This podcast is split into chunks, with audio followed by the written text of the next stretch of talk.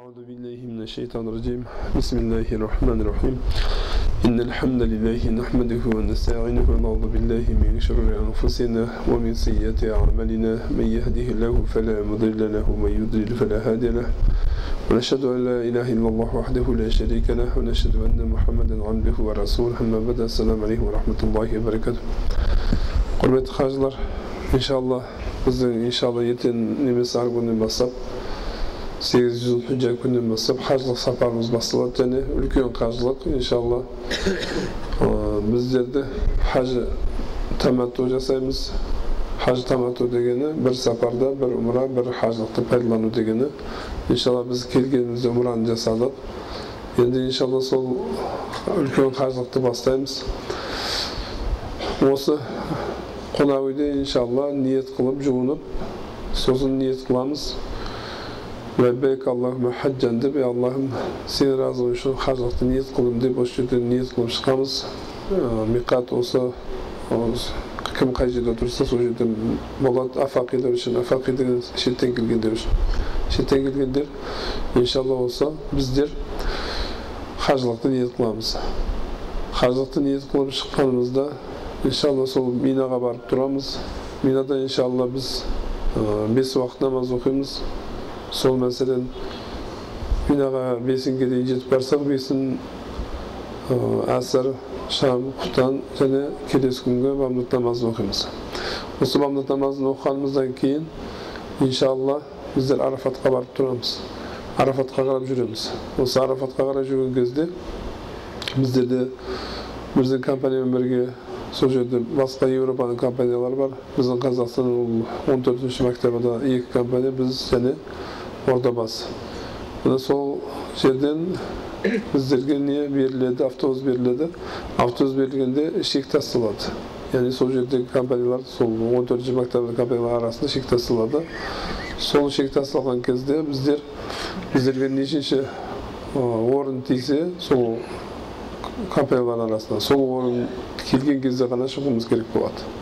Оған дейін бәріміз сол өздеріміздің шатырларымыздың астында отыруымыз керек болады иншалла сол жерде уағыздар болады және түсіндіріледі қажылықтар сол минада тұрған кезімізде әр намаздан кейін иншалла біздер сол қажылықта қандай амалдар бастаймыз жасаймыз оны және түсіндіріп барамыз міне сол жерде тұрған кезімізде тәртіптерге бойысуымыз керек болады тәртіп өте тәртіп тәртіптен кейін және тәртіп сол иншалла егер мәселен бір компанияға екінші орын тиген болса егер оның бір қажысы сол тәртіпті бұзып жаңағы автобусқа шығатын болса бірінші компания бітпей жатып ол компания үшіншіге үшінші орынға жіберіледі.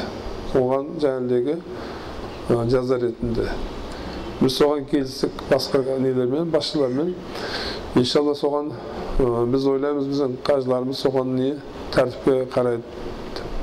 Иншалла енді сол арафатқа барып тұрған кезімізде арафат пайғамбар алейхисалам әл хаджу арафату деген қажылық арафат деген арафатта иншалла тұрған кездерімізде біздер сол арафатқа келгенімізден кейін бесін уақытында бесін намазы мен аср намазын қосып оқимыз не үшін десе тек қана имам абу ханифа рахиматулла мазхабында осы арафатта намазды өз уақытынан ілгері оқуға рұқсат береді яғни әсір намазын біз бесін намазын уақытында оқимыз және екі рекаттан оқимыз бірінші екі рекат бесін оқимыз сосын екі рекат әсір намазын оқимыз не қайсы уақытта бесін намазын уақытында міне сол кешке дейін күн батқанға дейін сосын дұға қылып отырамыз сол дұға қылып отырған кезімізде алла субханала тағаладан қандай тілектеріміз сұралса қабыл болатын орында тұрамыз иншалла.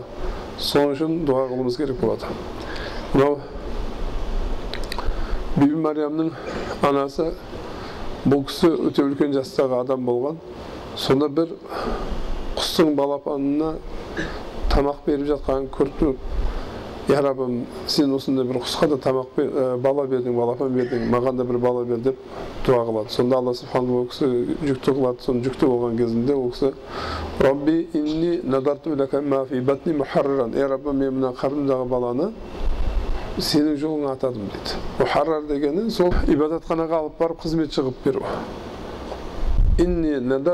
Ma fi batni muharrar өзі үлкен жасқа келгенде бір перзентке жүкті болып соны көріп дүниеге келтірейін деп отыр сонда алла тағаланың жолына беріп жіберейін деп жатыр сонда ол кісі қыз туады қыз бұл бибі мариям болады яғни иса алейхисаламның анасы сонда рабби инни я раббы мен бұл баланы ниет қылып едім мен бірақ қыз тудым дейді сонда алла субханала тағала яғни бұл әйел талап қылған ол мына біз берген қыздай емес дейді яғни бұл қыз үлкен дәрежесі жоғары сондай бір бір ұлы бір қызды беріп жатырмыз дейді міне сонда ол кісі емшектен айырғаннан кейін өзінің уәдесіне уапа қылып яғни инни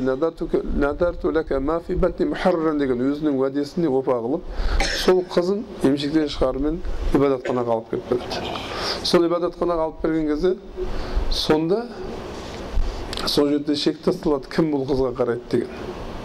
Сонда закария алейхисаламға түседі шек. Закария алейхисалам бұл сол жағындағы шешесінің яғни шешесі бұл қыздың яғни бибі шешесі оның балдызы болады закария яғни жездесі өзінің несіне қарайды балдызының қызына қарайды. Сонда ол кісі жаңағы ғибадатхана михраб дейді михраб деген бөлме деген. Сол бөлмеге кірген кезінде қараса жаздың күні қыстың қысты күні жаздың жемістері тұр. Я марияму хада дейді ей мариям мына жемістер сенің алдында қайдан келді десе ол кісі бұл алла тағаланың алдынан дейді сол кезде мен бұл оқиғаны құрандағы бұл қыссаларды айтуымнан мақсатым не мақсатым міне сол жерде сол биби мариям отырған бөлмеде алла субханала тағаланың берекесі жауып тұрған закар алейхисалам көреді алла субханала тағаланың берекесі дұғасы қабыл болатын жер екенін көреді сөйтіп тұрып сол жерде екі ракат намаз оқып тұрып алла тағаладан сұрайды я раббым маған да бір ұл перзент берші алла субханала тағала оған яхия алейхисаламды береді қараңыздар соның үшін біздер қазір мынау қашылықта жүрміз мәкке мүкәрраманың алдында тұрмыз дұғаларымыз қабыл болатын жерде тұрмыз ертең минаға шығамыз одан арафатқа шығамыз бұл жерлерде пайғамбарлар жүрген ибраһим алейхисалам исмаил алейхисалам пайғамбарымыз мұхаммад саллаллаху алейхи вассалам ең ақыр заманның пайғамбары бүкіл адамзаттың ішінде абзалы пайғамбар алейхисаламнан абзал адам жоқ пайғамбар алейхисалам бүкіл адамзаттың абзалы бүкіл пайғамбарлардың абзалы бүкіл адамзаттың абзалы ешбір адамзаттың аты пайғамбар алейхисаламның аты сияқты ұлықталған емес бүкіл дүниеде қазіргі күнде екі жүзден аса мемлекет болатын болса сол екі жүзден аса мемлекеттің барлығында мешіттер бар міне сол мешіттердің барлығында азан айтылады азан айтылған кезде алла субханала тағаланың аты айтылғаннан кейін біздің пайғамбарымыз сүйікті пайғамбарымыз мұхаммад алейхисалату вассаламның аты айтылады бүкіл дүниені жаңғыртып тұр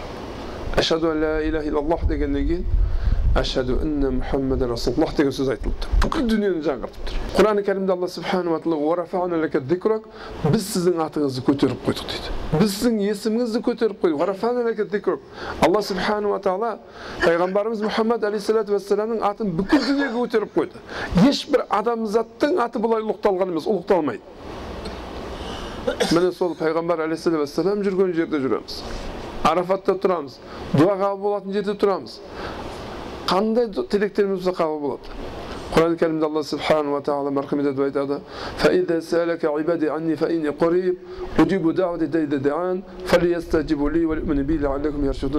егер бенделерім сені менің түрімді сұраса дейді алла субханала тағала айтады мен әлбетте оларға жақынмын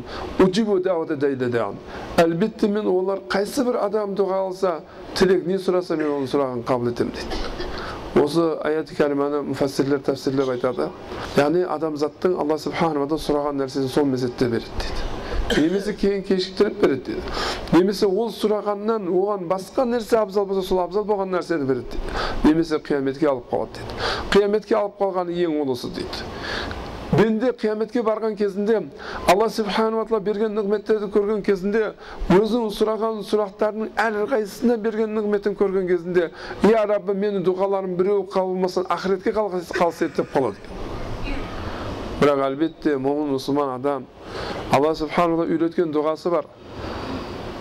Кәпірлер мүшриктер пайғамбар алейхисаламға осы меккеде тұрып уағыз қылған кезінде ол кісінің мұхаммад амин екенін білетін еді мұхаммад амин деген сенімді мұхаммад жастайынан бірде бір өтірік айтқан емес мекке мүшриктері өздеріңіз көріп тұрған кабаны бұзып тұрып қайтадан салған кезінде сонда мына біздерде біздің қазақ халқында да сондай әдеттер бар бұл дұрыс емес әдет яғни мәселен бір мешітті салып болады да салып кейін кімнің атын қоямыз деп тартысады немесе және бір жұмысты істейді да осыған кімнің ата, атағын береміз міне сол арабтарда да бар еді арабтардың арабтар да тура біздің қазақ сияқты руларға бөлінетін еді әлде де руларға бөлінеді осы жерде де неше түрлі рулар бар міне сол рулар кабаны бірақ бұлар салды тек қана халыс таза ақшаларың болсын деді ешбір арам мал араласпасын деді кабаны салған кезде сөйтіп тұрып бітірген кезде қара тасты орнына қоятын кезінде бұлар тартысты. Қара тасты кім қояды? Қайсы ру қояды?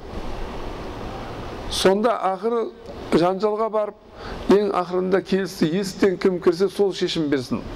Сонда есіктен кіріп келген адам бұл сіздермен біздердің сүйікті пайғамбарымыз мұхаммад алейхисалату вассалам еді сонда пайғамбарымызды көрген кезінде бүкіл бәрі разы болды. Бұл мұхаммад амин бұл сенімді мұхаммад бұның қандай үкім шығарса біз ол үкіміне разымыз деп міне сол үкімді ол кісі қалай шығарды өте бір өте бір керемет үкім шығарды қандай үкім десе өзінің үстіндегі ридасын өзінің үстіндегі шапанын жерге жайып тұрып өзінің мүбәрак қолдарымен қара тасты оның үстіне қойып тұрып сол жерде тұрған әрбір рудан ең әрбір рудан бір адамды таңдап тұрып сол шапанның жан жағынан әрқайсысына көтергізіп сонда қара тасты бүкіл меккенің руы көтеріп қойды.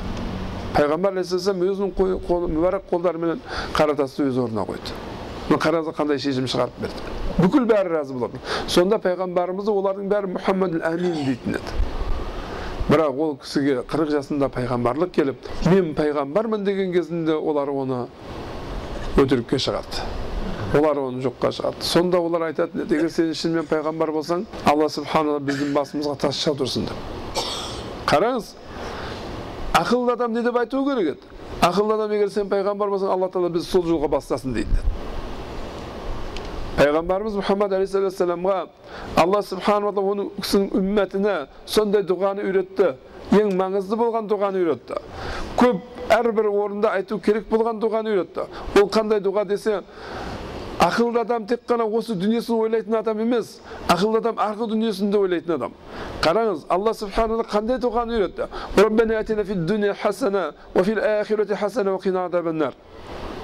Раббымыз бізге осы дүниенің жақсылығын берген.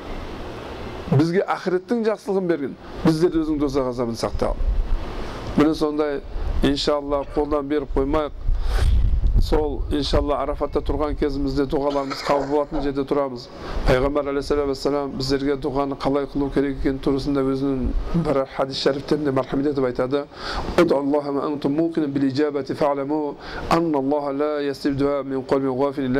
Сіздер алла субханала тағала дұға қылған кездеріңізде шын жүректен сол дұғаңыздың қабыл болуына сеніп тұрып дұға қылыңыздар. Біліп қойыңыздар алла субханала тағала қаперсіз ынтасыз жүректен дұғасын қабыл етпейді дейді. Қолыңыз көтеріп тұрсаңыз тіліңізде дұға қылып тұрсаңыз бірақ жүрегіңіз басқа жақта болып тұрса миыңыз пікіріңіз басқа жақта болып тұрса қалай ол дұға қабыл болады? Алла субханала дұғаны қабыл етеді қашан? Сіздің тіліңіз бенен жүрегіңіз бүкіл пікіріңіз бір жерге қойылып тұрып аллаға жүзденіп тұрып дұға қылғанда. Міне сол алла субханала тағала жүзденіп тұрып дұға қылайық ағайындар. Алла субханала тағала өзімізге егер ата анамыз тірі болса тірі ата аналарымызға өтіп кеткен болса өткен ата аналарымызға пайғамбар алейхисалам айтады егер адам баласы өлетін болса оның амалы тоқтайды. Тек қана үш нәрсе бар ол өлсе де арқасынан барып тұрады деді. Соның біріншісі бір салих бір перзенті болса оған дұға қылса деді. Салих бір перзенті болса оған дұға қылса деді. Міне сол иншалла осы жерде отырған баршаларыңыз біз салих перзенттерсіздер неге сіздерді алла субханала тағала ең бірінші иман исламға кіргізді екіншісі осындай ұлы жерге сіздерді шақырды зуифур рахман деген атаққа ие қылды зуифур рахман деген бұл аса қамқор алла тағаланың қонақтары деген алла субханала тағаланың қандай қамқор екенін біз дүниеден көріп жатырмыз қалай жаратып қойды дүниені алла субханала адамзатты қалай жаратып қойды адамзатқа қандай ақылды беріп қойды алла субханала адамзатқа баянды үйретіп қойды алламахул баян алла субханала адамзатқа сөйлеуді үйретіп қойды қанша қанша жануарлар бар өзінің ішіндегісін басқа жануарға жеткізе алмайды көзінен жас ағып тұруы мүмкін жануар болса ham көзінен жас ағып тұруы мүмкін мұңайып тұруы мүмкін ішіндегі нәрсесін жеткізе алмайды бірақ алла субханала адамзатты қандай ұлы қылып қойды ішіңіздегі жүрегіңіздегі сырыңызды досыңызға басқа адамдарға жеткізе аласыз бір жеріңіз ауырып тұрса мен пәлен жерім ауырып тұр деп айта аласыз бірақ жануарлар басқалар оны бір доктор келіп анықтамаса басқа кімісі айта алмайды. Адамзат болса ішіндегі нәрсесін айта алады. Алла субханала нұтықтай сөйлеуде бір ұлы қасиетті беріп қойды. Алла субханала адамзатты адамзат қылып жаратып қойды. Міне сол алла субханала тағаланың алдында тұрып дұғаларды қылып алла субханала нені сұрасақ және береді. Қараңыз момынның ісінің бәрі бір береке момынның ісінің бәрі бір береке міне сол иншалла алла субханала тағала сіздер мен біздерді өздерінің аса қамқор иеміз өзінің мына бәйтіне қонақ қылып өзінің осындай бір ұлы ибадатына лайық қылып тапқан екен бұл бір ұлы бір мәртебе міне сол ертең бірінші сол осы жерден ниет қылған кезімізде және бір ниеттерімізді түзеп алуымыз керек ниеттерімізді халыс алла субханалла разылық үшін қылуымыз керек риядан сүммадан сақтануымыз керек рия деген нәрсе мақтаныш сүма деген нәрсе адамдар естісін деген нәрседен қожа көрсіндіктен сақтануымыз керек мені пәленшелер қажы, қажы деп айтсын деген мақтаныштан сақтануымыз керек әрбір осы амалдарымыз соның ішінде бұл қажылық амалдарымызды ертең тұрған кездерімізде ниет қылған кездерімізде халыс алла тағаланың разы үшін қылып шығуымыз керек міне сол арафатта тұрып өзіңізге дуа қылыңыз ата аналарыңызға дуа қылыңыз жаңа өткен хадисте айтқандай деген. Салих бір перзент болса дұға қылса дұғасы бұл ата анасының арқасынан барып тұрады. Осы дұғалар қылсақ иншалла өтіп кеткен ата аналарымыз бабаларымыздың әжелеріміздің туған туысқандарымыздың арқасынан барып тұрады. Міне осы қандай дұға қылсақ жетеді оларға? Дұға қылайық. Сол жерде тұрып ұмытпайық оларды және екіншісі садақа жария садақа жария дегені бұл бір адам көпір салған болса жол салған болса мешіт салған болса медресе салған болса қандай бір бір игі амалды істеген болса оның игілігі сол адамдарға тиіп тұратын болса бұны садақа жария дейді. Бұл адам өтіп кеткеннен кейін оның несі барып тұрады. Сауабы сол өткен адамға жазылып тұрады. Және үшіншісі бір пайдаланатын білім болса дейді. Пайдаланатын білім болса яғни мәселен бір кітап жазып тастап кеткен болсаңыз шәкірт шығарып кеткен болсаңыз бұның бәрі сіз өткеннен кейін арқаңыздан барып тұрады екен иншалла ертең біздер сол арафатта дұғалар қылайық өзімізге ата анамызға тірілерге болсын туысқан туған туысқандарымызға перзенттерімізге елімізге елімізде амандық болсын тыныштық болсын ислам діні тек қана тыныштықты сүйетін дін ағайындар мынау кейбір жерлерде кейбір надан жастар ана жерде жарылыс мына жерде жарылыс жасап жатыр исламның атын жамылып ислам діні ешқашан террорлық дін емес ағайындар. Ислам діні бейбітшілік діні. Пайғамбар алейхисалам айтады адамдардың жақсысы кім десе адамдарға ең көп пайдасы тиген дейді адамдарға ең көп пайдасы тиген деді пайғамбар алейхисалам жаңа айтып өтіп кеттік осы меккеде келіп тұрып ислам дінін жариялаған кезінде алла субханала ең ақырғы пайғамбарлықты жіберді құран кәрімді түсірді деп тұрып жариялаған кезінде мүшіріктер аямастан оларға жауыздық жасады мүшіріктер оларға аямастан жауыздық жасады мұсылмандарды апарып тұрып осы меккенің сондай бір күн ысып қайнап тұрған кезінде шөлде құмның үстінде жатқызып қойып қолы аяқтарын керіп қойып үстеріне үлкен тастарды бастырып қойды. Бір ғана сөз үшін ля иляха иллаллах мұхаммад расулаллах деген сөз үшін. Бірақ сол кездерде мұсылмандар көп адамдар исламға келіп мұсылмандар күшейген кезінде меккеде тұрған кезінде пайғамбар алейхисаламның алдына сахабалар келіп тұрып я расулаллах бізге алладан сұраңыз біз соғысайық міне мүшіріктер біздерді азаптап жатыр біздерді өлтіріп жатыр деген кезінде алла субханала тағала деген аят түсірді қолдарың тиіңдер деген қолдарың тиіңдер деген аят түсірді мұсылмандарға соғысқа рұқсат берген жоқ мұсылмандар сондай азаптардан кейін шыдай алмағаннан кейін пайғамбар алейхисаламға аят түсті көшуге рұқсат етілді мұсылмандар сол кезде көшті сонда көшкен кезінде осы меккеден көшіп мединеге барды өздеріңіз көрген медине қаласына барды медине қаласы мен мекке қаласының арасында мен автобуспен келдіңіздер бұл автобустардың ішінде кондиционерлер бар автобустың ішінде сондай бір рахат орындықтары бар рахаттанып келдіңіздер бес сағат алты сағат жеті сағаттың ішінде мысалы олар жаяу еді олардың көліктері есек еді ат еді жылқы еді немесе түйе еді немесе жаяу еді осы жерден көшті бала шағасын тастап кетті. Біреулер. Біреулер өздерінің үйлерін тастап кетті. Біреулер өздерінің байлықтарын тастап кетті. Көшіп кетті жанын алып қашып кетті. Мединеге барды. Мединеде ансарилар күтіп алды оларды.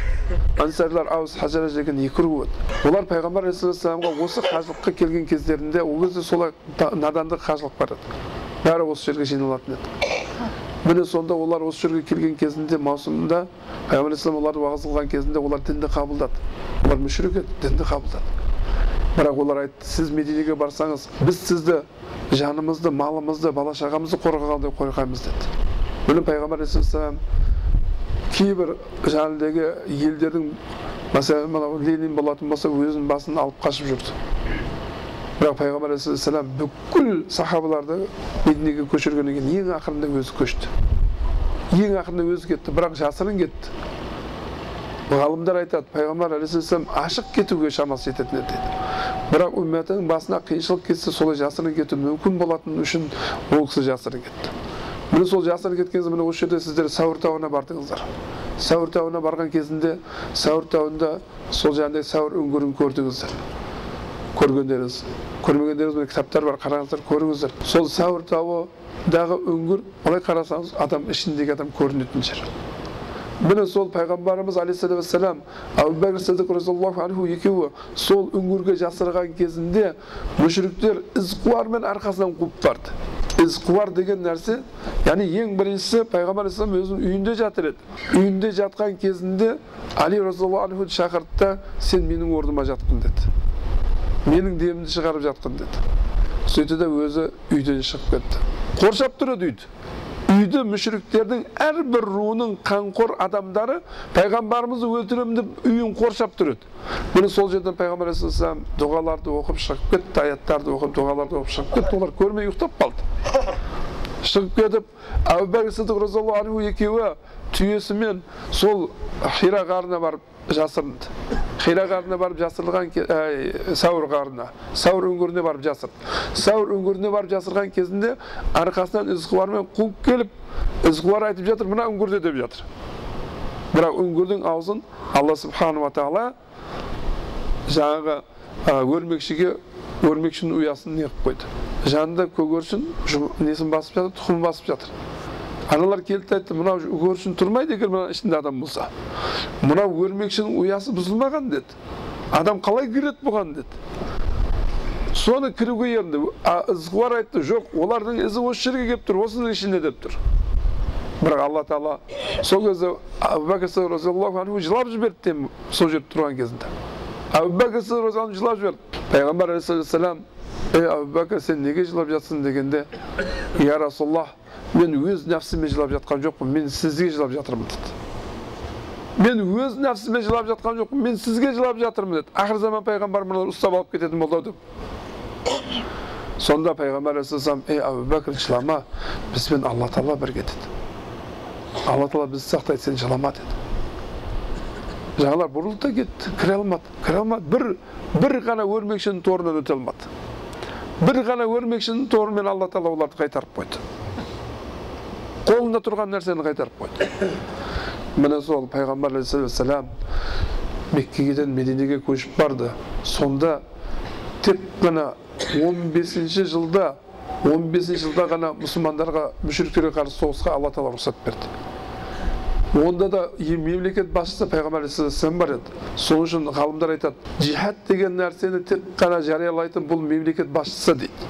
Пайғамбар алейхисалам жихадты 15 жылы исламның 15 өзіне сол жаңағыдегі не келгеннен бастап 15 жылы ол кісіге сол соғыс рұқсат етілген кезінде ол кісі мемлекет басшысы еді дейді. Сол үшін ислам ғалымдары жихадты жариялайтын тек қана мемлекет басшысы дейді жай анау бір шейхтар анау бір әшеу бір адамдар көшедегі адамдар пәлен жерге жихад жарияладым деу ол жихад болмайды ол және сонымен бірге сол кезде жихад не үшін жариялады мүшриктер қоймады және сол мәдинаға барып тұр бұларды жоқ қыламыз деді Мадинаға барып тұр, Меккеден әскер жинап, бүкіл араб жарым аралынан әскер жинап, пайғамбарымыз яғни асқаптарын жоқ қылып жіберу үшін Мединеге олар бастырып барды. Сонда Бадыр деген жерде соғыс болды. Ағайындар, сол соғыстарда пайғамбар алейхиссалам асхабтарына сендер мына мүшіріктер бастырып келе солармен соғысасыңдар бірақ соғысқан кездеріңде сендер жас балдарды өлтірмеңдер сендер қарияларды өлтірмеңдер сендер әйелдерді өлтірмеңдер сендер қолында құралы жоқ адамдарды өлтірмеңдер деді қазіргі күнде анау өзін жарып жатқан жарылыс жасап жатқан адамдар сондай бір надандар бұлар мұсылмандар исламнан ешқандай несібесі жоқ адамдар. Исламнан мұсылмандықтан ешқандай несібесі жоқ адамдар. Олар қай жерде барып жарып жатыр? Сондай бір тыныш тұрған жерде. Және бейбіт тұрғындардың арасында. Бұлар исламнан ешқандай несібесі жоқ адамдар. Пайғамбар алейхисалам сондай соғыс болып тұрған кезде мұсылмандарға дұшпан бастырып келген кезінде сол кездің өзінде құралы жоқ адамдарды өлтірмеңдер деді. Сол кездің өзінде жастарды балдарды өлтірмеңдер деді. Сол кездің өзінде қарияларға тимеңдер деді. Сол кездің өзінде әйелдерге тимеңдер деді. Сол үшін исламда бейбітшіліктен пайғамбар алейхисалам сол меккеге барған кезінде ең бірінші меккеге сол сонша уақыттан кейін мединеге көшіп келгеннен кейін бұлар пайғамбар алейхисалам түс көрді түсінде фаты макканы көрді біз деді биыл деді барып деді умра жасаймыз деді бүкіл өзінің сахабаларымен меккеге қарап жол алды өзіңіз білесіздер міне осы меккеге сіздер автобуспен келдіңіздер мединеден біздер автобуспен келдік көлікпен келдік мединеге олар жаяу келді олардың ішінде есекпен олардың ішінде түйемен атпен келгендері болды міне солар худайбия деген жерге пайғамбар алейхисалам өзінің сахабаларымен келіп тоқтады сонда усман бин разиаллаху анхуды меккеге жіберді елші қылып сонда меккеге келіп жіберген кезінде меккеден хабар келді суық хабар келді усманды өлтірді деген Усман, Усман елші еді, мұсылмандардың елшісі еді Меккеге келді. Ол өлтірілді деген хабар келген кезінде пайғамбар алейхисалам бүкіл сахабаларын жинап тұрып, біреуміз бір тамшы қанымыз қалмаса меккеліктермен соғысамыз деді. Меккеліктер біздің жіберген елшіні өлтірген үшін. Сонда меккеліктердің ішінен біреу тұрып айтты, Мұхаммадпен кім соғысса бүгін жеңіледі деді. Мұхаммадтың сонда мен әскерді неше бір мен деді парыстардың патшаларын көрдім деді мен деді византия императорларын көрдім деді олардың бастарында алтын тас алтын тәж олардың алтын тақтары бар олардың сондай байлықтары бар олардың сондай сондай бір сарайлары бар бірақ мен олардың ешқайсысының мұхаммедтің алдындағы абыройды көрген жоқпын деді өйткені олар мұхаммед алейхисалам пайғамбар деп білмейді бұл сөзді айтып жатқанда бір мүшриктен біреу айтып жатыр үлкендердің біреу айтып жатыр мүшриктердің басшыларын айтып жатыр мен мұхаммадтың жерге оның асхабтары түкірігін жеткізбей түсірмей жатыр деді. Кім мұхаммадпен соғысса жеңіледі деді. Онымен тыныштық келімін түзіңдер деді. Келісім түзіңдер деді сонда бұлар барып тыныштық келісіміне келді. Тыныштық келісіміне келгенде осман тірі екен пайғамбар алейхисалам тыныштық келісімін қабыл қылды. Бұл худайбия сұлхы еді худайбия тыныштық келісім еді. Бірақ бұл келісімнің басты жазушысы біздің мұсылмандар жағынан хатшы али ибн аби болды. Сонда бисмиллахи рахмани рахим деп жазды бірінші сонда арабтар тұрып айтты мүшриктер тұрып айтты біз деді ар рахман рахим деген алланы білмейміз деді бисмик аллах деп жаз деді ар рахман рахим деген алла тағаланың сыфатын өшіріп бисмик аллах деп жазды мен мұхаммад расулиллах деп жазып еді алланың елшісі мұхаммадтан деп жазып еді біз сені елші деп білетін болсақ сенімен соғыспайтын едік абдулланың ұлы мұхаммадтан деп жазды сонда али ибн аби талиб шошып кетіп мен өшірмеймін дегенде пайғамбар алейхисалам өзі қаламды қолына өшіріп тастап абдулланың ұлы мұхаммадтан деп жазды сонда және ауыр шарттарының бірі сендер биыл меккеге кірместен қайтып кетесіңдер деді яғни умра жасама умра жасауға келген сондай 450 километрден жаяу келгендер бар атпен келгендер бар түйемен келгендері бар сондай ыстықта сондай неде сонша километрден келді. Сол ішінде оның мұхажирлер бар осы жерден көшіп кеткендер. Мына жерде үйі тұр мына жерде ата анасы тұр мына жерде бала шағасы тұр мына жерде өзінің байлықтары тұр. Есігінің алдына келіп тұр сендер қайтып кетесіңдер деп тұр. Неше жылдан кейін келіп тұр. Және умра жасаймыз деп келіп тұр және жеңіс олар жақында. Сендер қайтып кетесіңдер деді біздің хажылыққа келген адамдарым самолетпен келді автобуспен келді осыларға қайтып кетесіңдер десе не болады кейін ағайындар ешқандай басқа ештеңе жоқ. Егер биыл қажылық жасамайсыңдар қайтып кетіңдер ендігі жылы жасайсыңдар десе қалай боламыз біз? Егер біз осы жерге келіп тұрмыз анау ауылда самолетке мінейін деп тұрған жерімізден қайтарып жіберсе қалай боламыз? Бұлар келіп тұр мына жерге өзінің үйін көріп тұр меккені көріп тұр кәбаны көріп тұр сендер қайтасыңдар бұл жерден деді. Мұсылмандардың барлығы қатты ашуланды пайғамбар алейхисаламға келіп тұрып я расулаллах омар бин хаттаб разиаллаху айтып жатыр я расулаллах біз хақ дінде емеспіз ба жеңіс бізде емес па біз хақ дінде емеспіз ба біз шын тура дінде емеспіз ба біз неге қайтып кетеміз деді біз неге қайтып кетуіміз керек деді пайғамбар алейхисалам бір ауыз сөз қайтарды мен алланың пайғамбары емеспін бе деді мен алланың пайғамбары емеспін бе деді бүкіл сахабалар жылап отыр кетпейміз деп. Пайғамбар алейхисалам умму салама разиаллаху анамызбен келіп еді ол сол сапарына. Умму салама разиаллаху анамыздың алдына кіріп тұрып қайғырып тұрып жылап тұрып өзінің пайғамбарына итағат етпеген үмметке алланың қарғысы жауады деді. Сонда умму салама анамыз я расулаллах сіз де бұл сахабаларыңызды түсініңіз олар осынша жыл елінен айрылықта болып осы жерге келіп тұрғаны өте қайтып кетіп тұрғаны өте оларды қайғылы сіз өзіңіз құрбандық шалып шашыңызды алыңыз олар да құрбандық шалып шашын алады деді пайғамбар алейхисалам шығып тұрып құрбандық шалды шашын алды жылап тұр пайғамбарымыз сахабалар бәрі жылап тұр құрбандық шалып шашын алып бәрі қайтып кетті міне сол келісімнің және бір нелерінің бірі мұсылмандарға қарсы жерлерінің бірі кімде кім деді? Сендерден деді. Діннен исламнан қайтып ата бабасының дініне қайтатын болса деді сендер оларға жолды ашып қоясыңдар меккеге келеді деді кімде кім деді? Бізден деді. Ислам дінін қабылдап сендерге қосылатын болса деді. Оларды бізге қайтарып бересіңдер біз оны азаптаймыз деді. Кімде кім осы мүшриктердің ішінен деді өздерінің ішінен ислам дінін қабылдап сендерге өтетін болса оны бізге қайтарып бересіңдер біз оны азаптаймыз деді пайғамбар алейхисалам соның бәріне келісті сол келісім бәрі не үшін десе тек қана бейбітшілік тыныштық үшін ислам діні бейбітшілікті тыныштықты жақсы көретін дін әбу бәкір сыдық разиаллаху анху айтады исламның қанша үлкен жеңістері болған болса біреу худайбия сұлхына тең келмейді дейді худайбия сұлхы бұл тыныштық келісім еді сол үшін ағайындар қазіргі күндерде дүниелерде қай жерде бір жарылысты жасап жатқандар қай жерде бір соғысты егер мұсылмандар жағынан бастап жатқандар болатын болса олар олар діннен несібесі жоқ адамдар. Әлбетте еліңізге біреу бастырып келетін болса ол мұсылмандар ол елін қорғау олардың міндеті. Бірақ тыныш елде ислам діні сондай дамып тұрған жерде қай жерде бір жарылыс қай жерде бір қандай да бір ислам шариғатқа қайшы әрекеттерді істеп жатқан адамдар олар не надан мұсылмандар не исламнан несі жоқ адамдар. Иншалла біз елімізге тыныштық амандықты тілеп сол арафат тауында дұғаларды қылайық.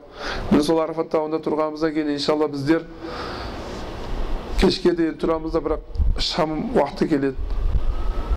Ол кезде де біз шам намазын оқымаймыз ақшам намазын оқымаймыз біз мұздалифаға келіп мұздалифада міне сол жерде жайғасамыз мұздалифада тұрған кезімізде біздер құптан уақытында ақша мен құптанды қосып оқимыз міне осы жерде тұрып бұл екінші имам әбу ханифа мазхабында жамы солатқа екі намаз қосып оқуға рұқсат берілген екінші жер бұл мұздалифа біріншісі арафат болды арафатта біздер бесін намазын мен әсір намазын қосып оқыған болсақ мұздалифада ақшам намазы мен құптан намазын қосып оқимыз міне сол жерде түнеміз иншалла қариялар ауыр адамдар болса олар минаға кете береді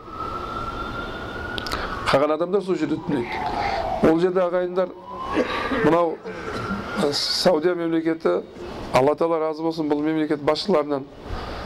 Біздердің бүкіл дүниеден келген қажыларға қандай қолайлықтарды жасап беріп жатыр оны көріп жатырсыздар. Бүкіл мемлекеттің жолдарында мәселен жаңағыдегі заправкілері бар асханалары бар мешіт мешіттері бар және дәретханалар бар сулар тұр басқалар тұр. Неше миллиондаған адам мына жолдардан өтіп жатыр. Емін еркін дәрет алып намаздарын оқып келіп жатыр. Міне мынау мешіттерін көріп жатсыздар. Әл харам мешітінде зәмзәм сулары толып толып тұр анау мәдинадағы да мешітте де зәмзәм сулары толып тұр сол сияқты зәмзәм суларды біздерге олар неге арафат миналарға жеткізіп береді арафат миналарда да сол жерде суларды ішіп ибадаттарымызды қылып тұрамыз міне осы сол арафаттан мұздалифаға келген кезімізде сол жерде біздер жерде жатамыз бұл мемлекеттің шамасы келеді сол арафат мұздалифа минаның барлық жерінде осындай гостиницалар салып қоюға бірақ қажылықты қажылықтың шынымен қиыншылықтарын жолдарын көрсін сахабалардың өткен орындаған амалдарын олар да солай орындасын деп ол жерлерде мұздалифада ештеңе жоқ. Тақыр жер бар. Біз ол тақыр жерге барып қонамыз. Сосын сол жерден таңертең бамдат намазын оқығанымыздан кейін біздер минаға қарап жол жүреміз. Минаға барғанымыздан кейін иншалла сол біздерге сағат оннан он екіге шейін осы тас атуға рұқсат беріледі тас атудың да өзінің несі бар екен тәртібі бар екен осы мемлекеттегі осы мемлекеттегі бізге берген муассасалар бар сол муассасалар мектабалар біздерге ататын уақытымызды белгілеп берді міне біздің компаниямыз иншалла сол бірінші күні тасты оннан он екіге шейін атады оннан он екіге шейін тас атып келгенімізден кейін тасты қалай атамыз тасты атқан кезімізде иншалла біз мұздалифада тұрған кезімізде сол жерде жеті тас теріп аламыз бірінші күні біз тек қана жамаратул ақабада тас атамыз жамаратул ақаба деген қайсысы деген десе сол тас ататын жерге барған кезімізде бірінші шайтан тасқа ат, атпаймыз өтіп кетеміз екінші шайтанға тас атпай өтіп кетеміз үшінші шайтанға барып тас атамыз үшінші шайтанға барып тас атқан кезімізде мына оң қолменен мына сол қолымызда тасты алып тұрып былай аллаху акбар деп лақтырамыз мына қол қолтық ашылу керек ер адамдарға осылай лақтырылады сүннет лақтыру егер бір адамдікен бір адамдікін егер мәселен алған болсаңыз бірінші өзіңіздікін атып аласыз өзіңіздің тасыңызды атып аласыз жетеледі содан кейін онынікі атасыз жетеледі бір жеті тасты былай лақтыруға болмайды әрбір тасты былай данадан алып атасыз иә сосын екінші адамдікін атасыз бұл үшінші шайтанға барып атасыз үлкен шайтан біріншісіне атпайсыз екіншісіне айтпайсыз үшіншісіне барып атасыз міне содан қайтып келгенімізден кейін иншалла біздер сол жаңағыдегі біздерге хабар келеді осы ол уақытқа шейін иншалла біздердің құрбандықтарымыз шалынған болады біз телефонда боламыз. Біз сосын біздер шашымызды қырып ихрамнан шығамыз. Осы қазір киіп отырған киімдерімізді киіп сол үшін бір сыпа киім алып алыңыздар ихрамды ауыстырады. Ихрамды осы жерден білдіңіздер ғой иә ихрамды осы жерден изар мен реданы осы жерден киіп шығып кетеміз.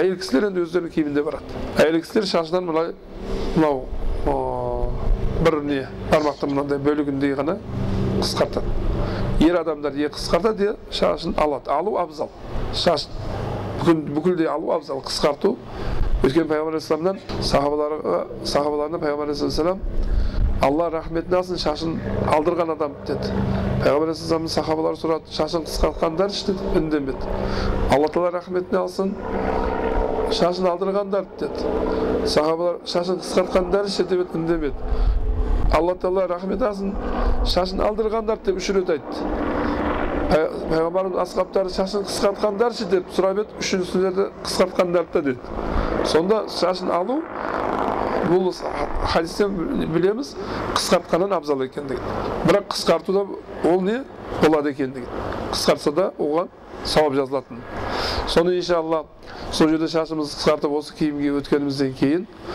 біздердің амалдарымыздың бірі бұл сол жердегі хаждың парыз тауабы хаждың парыз тауабын біз кешегі ана умрада жасаған тауап сияқты иншалла сүннет хажар асуаттан бастау хажар асуаттан бастап оң иықты ашып сол тауафты бастаймыз тауафты бастаған кезде айналып тұрған кезімізде зікірлерді айтып әртүрлі дұғаларды қылып айналамыз емен бұрышына шейін емен бұрышынан бастап хажл асватқа дейін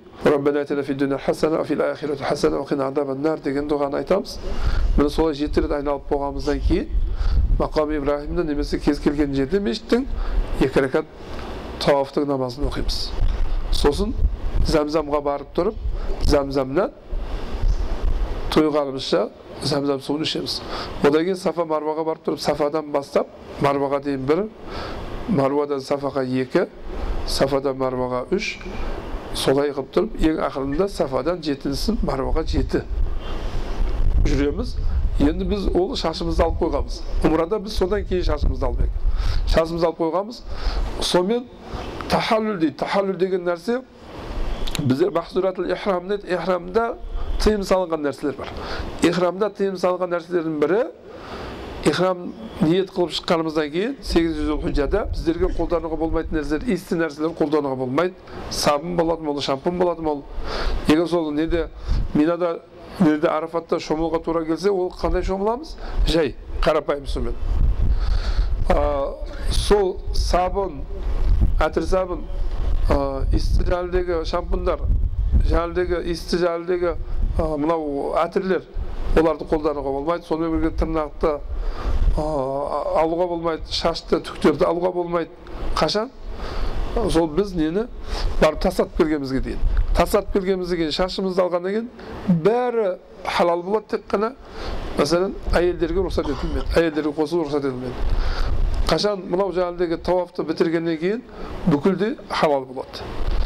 Соның үшін бұны тахаллүл екі түрлі болады екі біреуін тахаллүл уля дейді барлық нәрсе халал болады жаңағы не тастатып келгенімізден кейін оныншы зүлхиджа күні тастатып келгенімізден кейін шашымызды алғанымыздан кейін барлық нәрсе халал болады тек қана әйелі бар адамдарға әйелінен қосылу халал болмайды қашан кабаны тауаф қылып келгеннен кейін сәни екінші халал болады ол кезде әйелдерде халал болады міне осы нәрсе бұл біз мәселен шариғат нәрселерін үкімдерін толық білуіміз міндет өйткені қайсы адам ол мәселен арафатта тұрғаннан кейін әйеліне қосылып қоятын болса ол адам түйе сою керек болады. Штрафы ол әшейін жай қой союмен бітпейді ол түйе сою керек болады. Соның үшін осы нәрселердің бәрін білу біздің міндетіміз біздерге жеткізу бұл біздің міндетіміз. Осы нәрсені иншалла одан кейін он бірінші зүлхиджа күні тастатуға барамыз. Ол сол күні оныншы бір күні тастатып келдік қой он мен он екінің арасында күндіз. Енді түнгі түнгі сағат он екіден басталады. Өзі әсілінде екінші күн үшінші күн завалдан кейін ататын еді тасты. Бірақ ол тас атуда мынау бізде қазіргі күнде төрт миллион хажыға адам келіп отыр. Тас атуда мәселен сол жаңағыдай қиыншылықтар болып отқаннан кейін адамдар көп болып жатқаннан кейін сол түнгі он екіден бастап тас атуға ғұламалар рұқсат берді. Міне сол түнгі он екіден бастап таңертеңгі жетіге дейін біз не? Алты жарымға дейін біз тас атуымыз керек болады. Келесі үшінші күнде солай. Иншалла біздер уақыттарын және сіздерге сол жерде тұрып белгілеп айтып тұрамыз бірге барып бірге тас атып келеміз иншалла тас атуға шамасы жетпейтін адамдар ғана біреуге тас жіберуге болады өзі жүруге шамасы келетін адамдар біреуге беріп жіберуге болмайды ағайындар соның үшін ол мәселен ұзақ жер емес екі үш километр жер барып тас атып қайтып келесіз асықпай барып асықпай қайтып келесіз соның үшін әркім өзі атқаны жөн шамасы жетпей қалған жүре алмай қалған адамдар болса ол адамдар біреуге беріп жіберсін тасын міне сол иншалла алла субханала тағаланың рахметімен сол тастарымызды атып болғанымыздан кейін біздер он екінші зүлхиджа күні осы неге не қонақ үйімізге қайтамыз. он төртінші зүлхиджа күні иншалла алла нәсіп етсе біз мәдина қаласына қалап жол жүреміз. Сонда бірінші тобымыз біздердің тікелей аэропортқа барып ұшып кетеді екінші тобымыз бір күн мәдинада қаламыз иншалла алла субханала тағала жасайын деп жатқан қажылықтарымызды қабыл етсін алла субханала өткендеріміз рахмет етсін тілерімізге хайыр нәтиже берсін وآخر دعوانا الحمد لله رب العالمين أمين وصلى الله تعالى على خلقه محمد وعلى آله وصحبه أجمعين ربنا آتنا في الدنيا حسنة وفي الآخرة حسنة وقنا عذاب النار وصلى الله تعالى على خلقه محمد وعلى آله وصحبه أجمعين برحمته يا أرحم الراحمين